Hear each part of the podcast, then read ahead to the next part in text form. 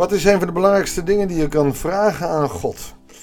Wij vragen al gauw om gezondheid. Wij vinden gezondheid ontzettend belangrijk.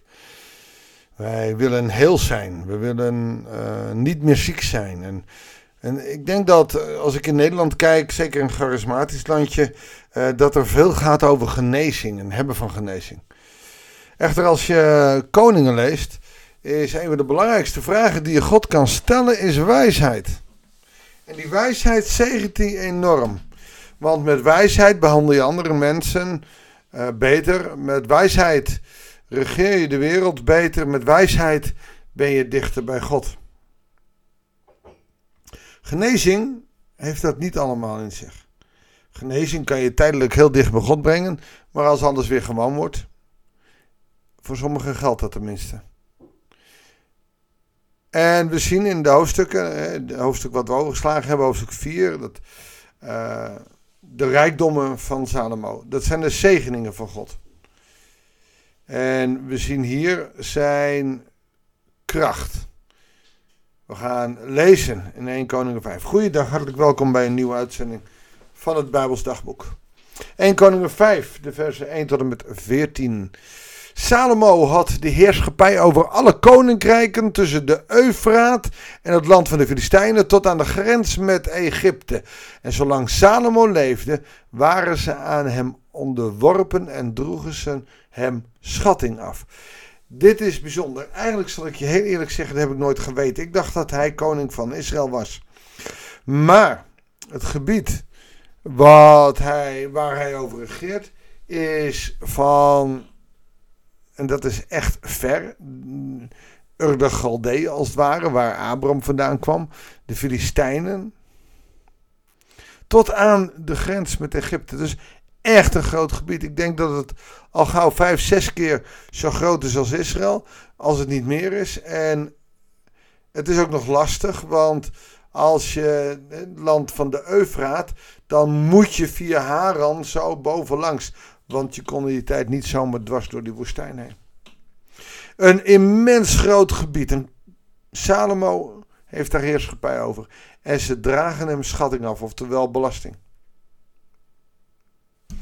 Aan Salomo's hof werd dagelijks de volgende hoeveelheid voedsel gebruikt: 30 kor tarwebloem en 60 kor meel, 10 gemeste rundende en 20 gewone rundende. Uh, honderden schapen en geiten en dan nog herten, gezellen, reebokken, gemeste hoenders. Het waren geen vegetariërs. Maar het heeft er ook mee te maken dat hij een groot hofhouding had. Hij had veel vrouwen. Elke vrouw had een bijvrouw. Elke vrouw had slavinnen. En uh, die hadden kinderen. En die, het was een groot uh, goed. Dus er moet veel eten en drinken zijn. Nee, je ziet, het was een Bourgondisch leven. Veel vlees. Maar dit laat ook zien dat hij groot is. Salomo, heerste over het hele gebied ten westen van de Eufraat, van Tifzag tot aan Gaza. Over alle koninkrijken ten westen van de rivier. En hij leefde in vrede met alle omringende landen. Zie je wat wijsheid doet? Wijsheid brengt vrede. Zolang Salomo leefde, konden de inwoners van Juda en Israël van Dan tot Beersheba onbezorgd hun wijnrank en hun vijgenboom eh, eronder zitten. Oftewel, ze hadden het goed. Er was shalom. Want als God zegent, dan is er vrede. Voor zijn wagens, statiesymbool, beschikte Salomo 40.000 paarden in zijn stallen en 12.000 wagenmennes. De stadhouders moesten niet alleen om beurten een maand in het levensonderhoud van de koning van Salomo en zijn hofhouding voorzien, waarbij ze het hun aan niets mochten laten ontbreken. Ieder van hen was bovendien verplicht gerst en stro voor de paarden en de strijdrossen bijeen te brengen in die plaats waarvoor hij verantwoordelijk was. Dus Ehm, de stadhouders waren van groot belang. En hij had het ook gedelegeerd. En dat was een maand lang. Daarna was een andere. Dus het was niet uitputtend. God schonk Salomo zeer veel wijsheid en onderscheidingsvermogen en een veelomvattende kennis van zaken, zo overvloedig als het zand op het strand langs de zee. En in de wijsheid overtrof Salomo alle Oosterlingen en alle Egyptenaren. Hij was wijzer dan alle andere mensen, wijzer dan de Esragiet Etan en wijzer dan Magos zonen Heman, Kalkol en Darda. Zijn roem drong door tot de omliggende volken. Hij dingde 3000, of, ja, hij dichtte, sorry, 3000 spreuken en 1005 liederen. Uh, wij kennen dat boek van de spreuken als het boek Spreuken en Hooglied. Uh, wij schrijven die toe aan, uh, aan Salomo en een van de feiten daarvoor is dit vers. Hij was ontzettend wijs, dus hij liet wijsheid dan ook tellen. Nou, de brief van Salomo, oftewel spreuken en uh, dat, dat uh, prediker en hooglied, dat zijn wijsheidsliteraturen. Hij dichtte 3000 spreuken en 1005 liederen over allerlei soorten planten, van ceder op de Libanon tot de majoraan die uit de muur groeit en over de lopende dieren, de vogels, de kruipende dieren en de vissen. Dus hij was dus ook nog eens, had verstand van dieren. Uit alle omringende landen kwamen mensen om naar Salomo's wijsheid te luisteren.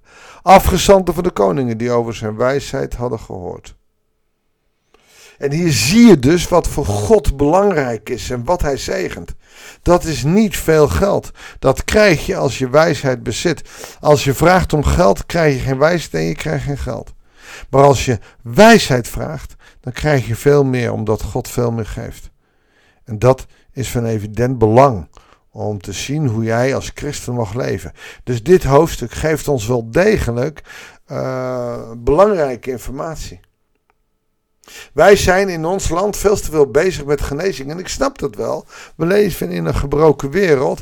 Maar veel meer zouden we hebben aan wijsheid. Hoe ga je met jezelf om? Hoe ga je met de ander om? Het zou al heel veel genezing kunnen besparen.